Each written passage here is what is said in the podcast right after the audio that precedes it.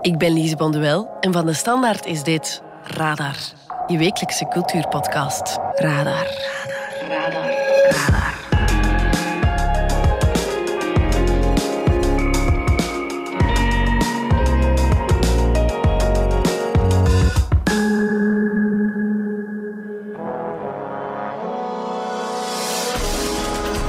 En?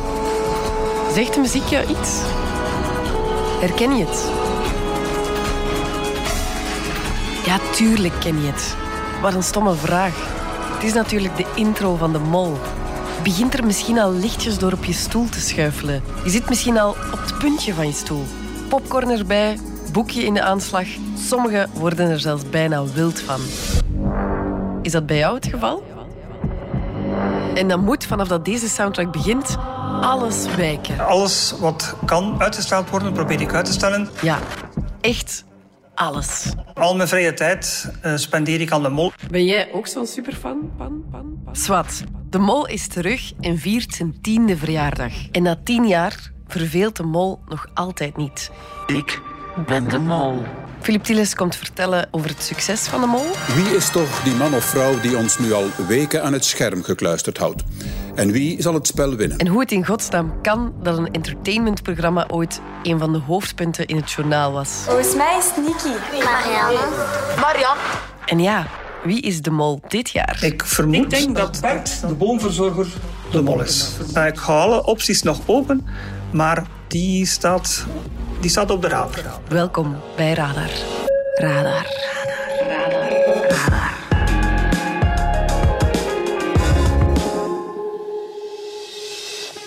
Philip Tilles, zou jij een goede mol zijn? Dat is een heel goede vraag. Um, ik weet het niet eigenlijk. Ik, ik, denk dat ik wel vrij goed kan liegen. Maar uh, enkel als dus ik misschien is dit ook al een leugen. Ja, misschien wel. Misschien ben ik wel de mol dit jaar. Nee, maar enkel als ik niet te lang dat moet volhouden. En als ja. mol moet je dat drie weken uh, volhouden. Je mag niet uit je rol vallen. En uh, ik zou gniffelen of rood worden of geënerveerd worden. Dus ik denk dat dat niet aan mij besteed is. Maar ik zou wel graag eens willen meedoen. Dat lijkt me wel heel interessant. Ja, zoals veel mensen. Hè? Denk je dat die kans maakt? Heb je al eens ingeschreven? Nee, dat niet. Elk jaar zijn er duizenden kandidaten. Dit jaar zelfs 15.000 uh, kandidaten die willen deelnemen. Dus ja, wat is de kans? En ik denk ook dat uh, Woestijn is niet zo snel een journalist toegang zal geven om aan alle geheimen hoe de mol achter de schermen in elkaar zit te zien. Ja, daar vrees ik voor. Ik denk dat ik zelf ook heel goed ben in liegen. Ja? Maar ik ben ook nog wel wat lomp. Dus dat is een zeer goede eigenschap voor een mol, want dan kan je per ongeluk dingen doen mislopen en het steken op je lompheid. Persoonlijkheid. Alleen ja. nee, persoonlijkheid niet, liever niet. En ben je een goede speurder? Ik dacht eerst van wel. Hè. Toen het programma in 2016 na 13 jaar pauze terug op televisie kwam, had ik meteen na de eerste aflevering zei ik ja, uh, Gilles van Bouwel, dat is de mol. En dat bleek ook zo te zijn. Mm. En ook het jaar daarna, toen uh, politieagent Eline uh, de mol was, had ik dat voor de finale ook juist gegokt. Dus ik dacht, tja, mijn speurders skills, dat is wel in orde. Maar de voorbije jaren zat ik er, ik ga eerlijk zijn, stevast naast. Uh, geen haar op mijn hoofd had uh, durven gokken dat uh, Elisabeth, Alina of Lennart de mol zou zijn. Goed, ik denk dat de makers van de mol heel goed zijn in onverwachte en Ja. onverdachte kandidaten kiezen. En vergeet ook niet, zij beslissen in hun montage natuurlijk heel veel hoe jij naar een proef kijkt. Hè. Dus Ja. zij sturen heel veel. Ja. En wie is je hoofdverdachte dit seizoen? Ah, Ik heb eigenlijk geen idee. Ik denk alle acht overblijvende kandidaten zouden het kunnen zijn, al verdenk ik extra. Eh, Sven, die is heel stil en geniepig en zit zo op de achtergrond. Ja. Of Emanuele, die, zich, die, doet, die doet zich wat dom en onhandig voor, maar misschien is dat natuurlijk dan hè, eh, slim van haar.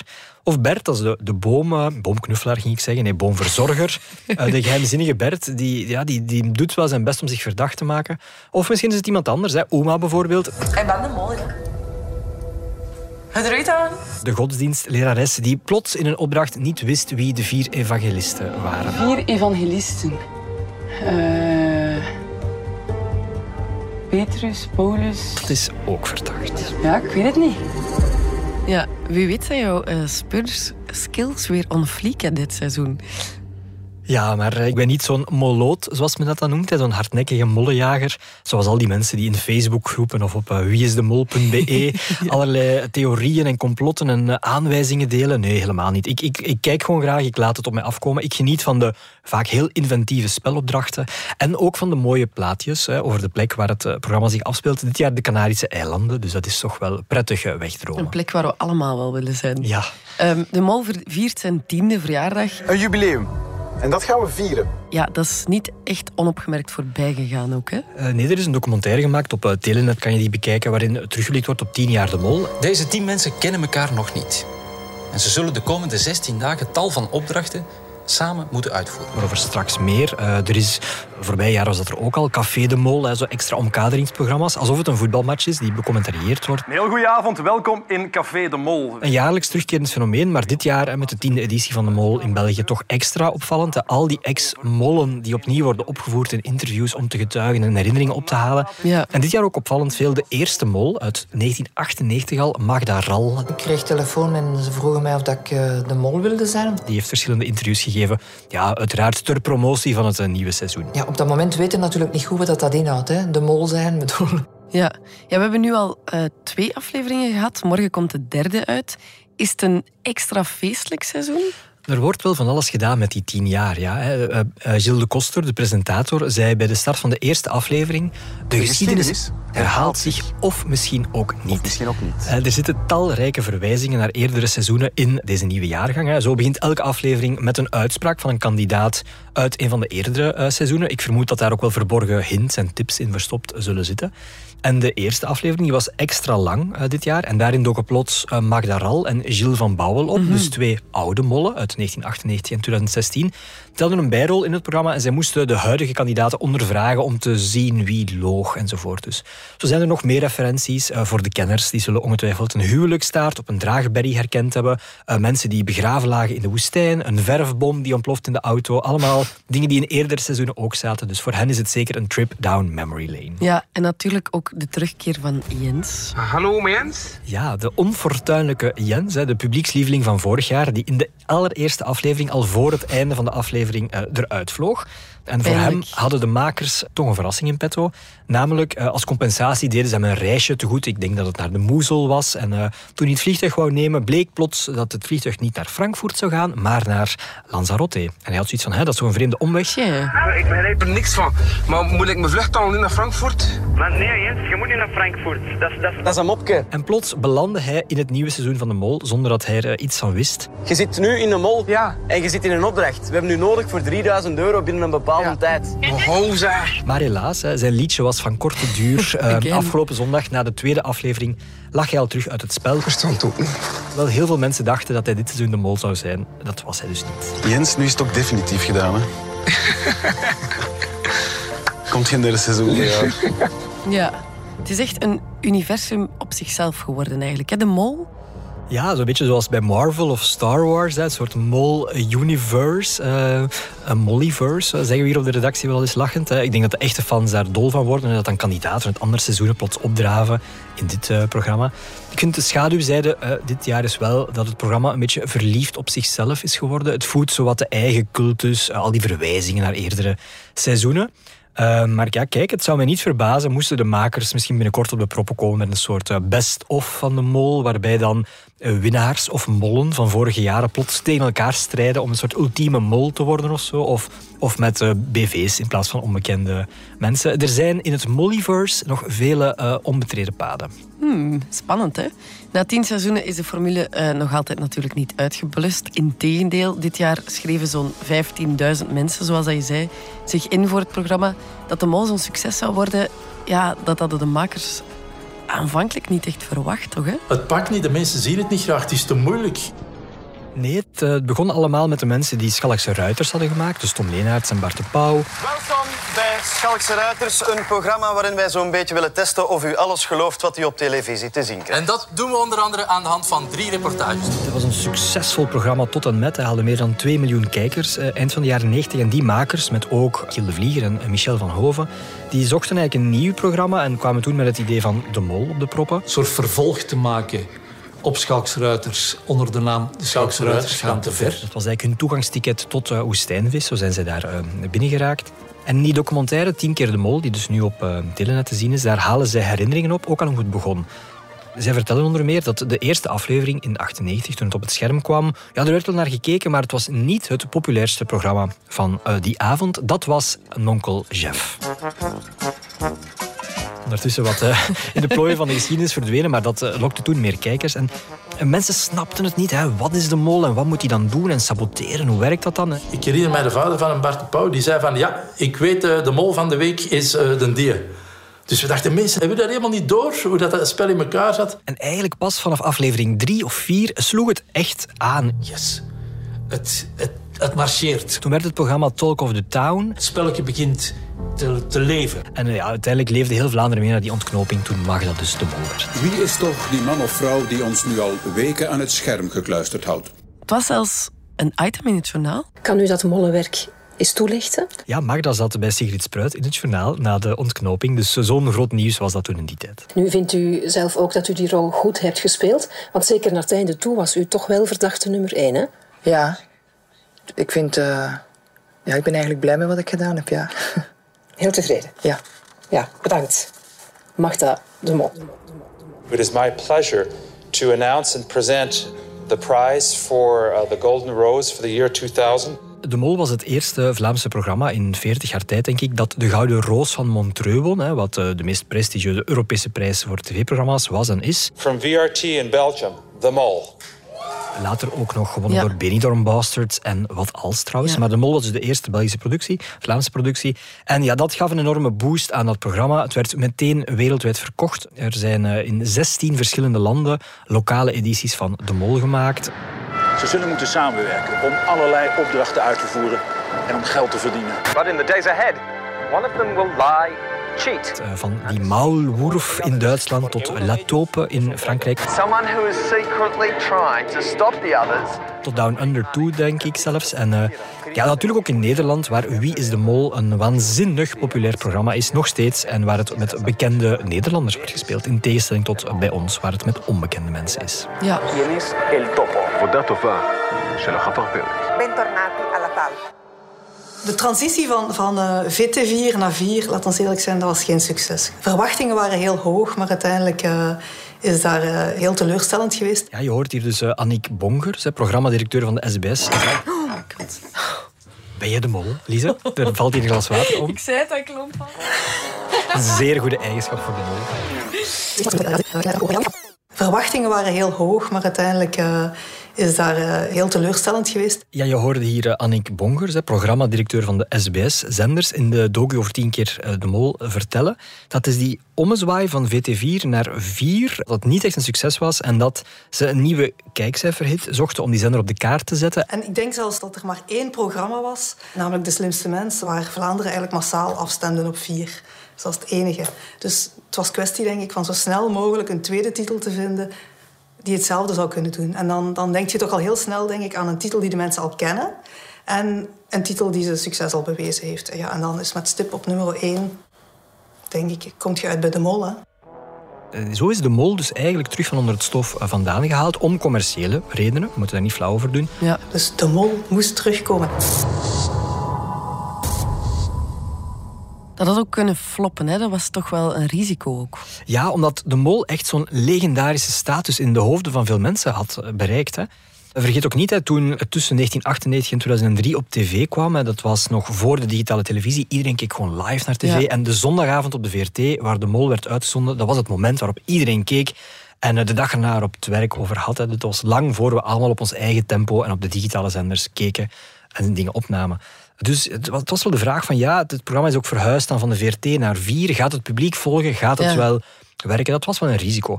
Maar het was nu ook weer niet zo'n groot risico, want op dat moment liep in Nederland dus Wie is de Mol nog steeds. Dat was waanzinnig populair daar. En dus de makers hier zagen ook al dat ja, het format nog niet op was, dat er nog potentieel in zat en dat de technische evoluties wel nog een extra schwung aan het programma gaven. Op technisch vlak zijn ze heel erg met hun tijd mee. Ja, wat er nu op technisch vlak mogelijk is om televisie te maken, dat was er in de beginjaren van de Mol allemaal nog niet. Hè. Kijk naar al die prachtige beelden van die landschappen met drones, of eh, de verbeterde kwaliteit van GoPro-camera's die op, je, op de helm van kandidaten of in auto's kan worden bevestigd. Eh, smartphones en iPads die er zijn waarmee je opdrachten kan eh, spelen. Dat heeft al die mogelijkheden alleen maar uitgebreid. Hè. Die, technisch is het vaak heel spectaculair in beeld gebracht. Er is een enorme visuele flair. Het is gefilmd alsof het een of andere fictie-Netflix-reeks is. Zo mooi is het in beeld gebracht.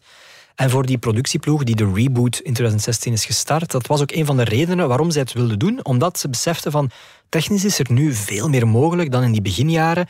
Dus misschien kunnen we het programma alleen nog maar beter maken. En ik denk dat dat ook wel aan de hand is. Het was een berekende gok en dat is uitgedraaid op een enorm uh, succes. Want de kijkers die volgden meteen uh, naar vier. Ja, die fanbase is echt gigantisch. Hè? Uh, voor sommige fans stopt het zoeken naar de mol ook niet naar het bekijken van de aflevering. Voor mollenvanger Mark bijvoorbeeld is het echt bijna een fulltime job. Tijdens het seizoen heb ik eigenlijk één hobby en dat is de mol. Alles wat kan uitgesteld worden, probeer ik uit te stellen. Al mijn vrije tijd spendeer ik aan de mol. Dat is nu ook nieuw, hè? anders dan bij die eerste jaargangen toen er nog geen sociale media was. Dat was de mol volgen op tv, het uitsnijden van krantenartikels daarna, het inkleven ervan in mijn persoonlijk molboekje. Zijn die er sinds de reboot in 2016 wel? Dus mensen kunnen nu op Facebook, op Twitter. Dan heb ik ook de Mollengroep op Facebook opgericht. Um, dat was heel kleinschalig. Allee, jaar na jaar zijn we uitgegroeid tot een hele grote groep met meer dan 50.000 speurders. Dus die platformen die er nu zijn, die maken het samen speuren naar de mol alleen nog maar makkelijker. En dat verhoogt natuurlijk ook ja, de appeal, de aantrekkingskracht van zo'n programma als de mol. Ja, en hoe komt het dat een programma dat teweeg kan brengen? Wat maakt van de mol zo'n succes? Ja, in de eerste plaats, het is natuurlijk gewoon ontzettend goed gemaakt. Technisch, spannend, uh, op alle vlakken.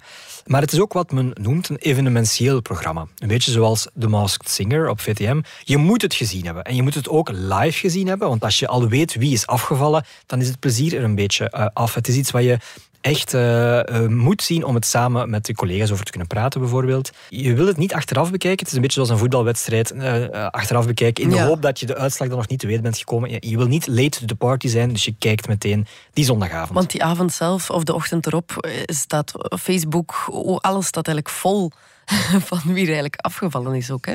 En het is bovendien populair van jong tot oud. Um, dit jaar is er een kandidaat, Bert, hè, 45 jaar, boomverzorger. Die vertelt dat zijn dochter waanzinnige fan is van de mol en dat zij hem gepusht heeft om zich in te schrijven. Dus zo jong tot, tot oud uh, genieten ervan, kijken ernaar. Het kijken naar de mol, dat was liefde op het eerste gezicht. Die prachtige locaties, uh, de makers die erin slagen om ieder jaar opnieuw een leuke en diverse groep samen te stellen. En je hebt er natuurlijk ook het speuren. Het speuren naar de saboteur in de groep. Dat deelt het ook met de Masked uh, Singer, hè, waar je ook op zoek moet gaan. Wie zit er in dat pak? Wie ik ben, dat raad je nooit. Hier is het. Wie, ja. wie zit er in het pak van de mol? Ik ben de mol. Dus uh, je wordt als kijker echt betrokken en geëngageerd. Je moet niet zomaar kijken, je wordt een soort detectieve. En dat maakt natuurlijk ook het, uh, deels het succes van het programma. En last but not least, iedereen kan zich eigenlijk inschrijven voor het avontuur. Ja, en het is niet zoals veel andere programma's met, laat ik het noemen, gewone mensen. Hè? Wat ik zo fijn vind aan de mol is, uh, mensen worden er echt op hun positiefst getoond. Um, ze worden aangemoedigd om hun grenzen te overstijgen. Uh, het is niet zo dat naar de kleine kantjes van de deelnemers wordt gezocht, zoals in veel andere spelprogramma's met gewone mensen. Denk aan Big Brother of Temptation Island, Boer zoekt vrouw, al die verbouwprogramma's. Daar wordt naar het drama gezocht of worden mensen... Ja, soms is het daar al wat uitlachtelevisie. En dat is hier totaal niet het geval. Hè. Het draait eigenlijk helemaal niet om het privéleven van die mensen, om de roddels. Er komt bijna niks te weten over hun privéleven. Mm -hmm. Het draait juist hoe spelen zij het spel, welke intriges ontstaan er in het spel en wie verdenkt elkaar. En dat is eigenlijk heel verfrissend, vind ik. Ja, ze worden heel positief neergezet. Ja, de mol blijft het meesterlijkst wanneer het draait om die manipulatie, die mindfucks, deelnemers die elkaar beschuldigen, het geroddel, de achterklap, de verdachtmakingen, de soms gemene mentale spelletjes tussen die mensen, de chemie tussen de kandidaten. Daarvoor blijf je kijken. Hè. Mm -hmm. dat, dat is het geniale aan de Mol. Het allermooiste seizoen van de Mol vond ik eigenlijk het seizoen twee jaar geleden in Griekenland. Een hele moeilijke zoektocht persoonlijk voor mij. Ik zat heel lang in tunnelvisie op Christian. Pas net voor, allee, net voor de finale, toen ik alles her kon bekijken, zag ik Kalina mollen. Ze heeft dat fantastisch gedaan. Het was het seizoen met een extreem fanatieke speler als Bart. Het was ook het bieden op de vrijstelling voor de start, nog in Vilvoorde. Bart die meer dan 10.000 euro bood voor die vrijstelling. Um, Gilles die als eerste afviel. In totale tunnelvisie op die Bart. En een winnares, Jolien, die een perfecte score haalde. Dat was, dat was nog nooit gezien. 30 op 30. Fantastisch seizoen. Maar dit seizoen is, is even sterk begonnen met Jens, die een fantastische comeback maakt. Dus ieder seizoen is heel specifiek, heel mooi, heel prachtig. Maar het jaar 2020 in Griekenland, dat was voor, wat, wat mij betreft persoonlijk het allermooiste seizoen. Ja, en wanneer is de formule op, denk je? Hoeveel seizoenen mogen we nog verwachten? Ja, na tien jaar is het nieuwe eraf, hè, laten we eerlijk zijn. Maar de succesformule is nog lang niet uitgewerkt. De kijkcijfers zijn nog steeds zeer goed. Boven het miljoen nog steeds. Dat is uitstekend. Voorlopig zit er dus nog geen sleet op de mol. De mensen blijven kijken. De deelnemers blijven zich inschrijven. Hè. Je zei het al, tot uh, 15.000 kandidaten dit jaar. Dus ik denk, uh, er zit nog wel wat rek op de mol. Maar ik ben benieuwd hoe lang het nog spannend blijft. Morgen is er weer een aflevering. Ga je kijken? Ja, absoluut. Benieuwd wie er dan uh, afvalt. Vorige week zijn er twee kandidaten afgevallen. Dat was op zich ook al nieuw. En uh, misschien moet ik weer één iemand van mijn verdachte lijstje schrappen. Uh, je kan het bij de mol nooit voorspellen wie het uiteindelijk blijkt te zijn. Nee, hè? Spannend. Morgen gaan we nog eens praten. Filip Tilles, dankjewel. Graag gedaan. Radar. Radar. Radar. Voordat je de nieuwe aflevering van de Mol gaat bingen, heb ik nog een tip voor jou. Het is te zeggen een tip van onze chef cultuur van de Standaard, Filip van de Ongevallen. De suggestie van de chef. Vandaag moeten jullie natuurlijk allemaal naar het podcastfestival van de Standaard in Oostende. En als jullie daarmee klaar zijn, is er een hele paasvakantie. En dan heb ik misschien nog wel een leuke expo-tip zijnde uh, in het kasteel van Laarne waar Chris Martij een paar van zijn bevriende kunstenaars heeft samengeroepen om een expo te maken, Nadir. En die is eigenlijk wel leuk.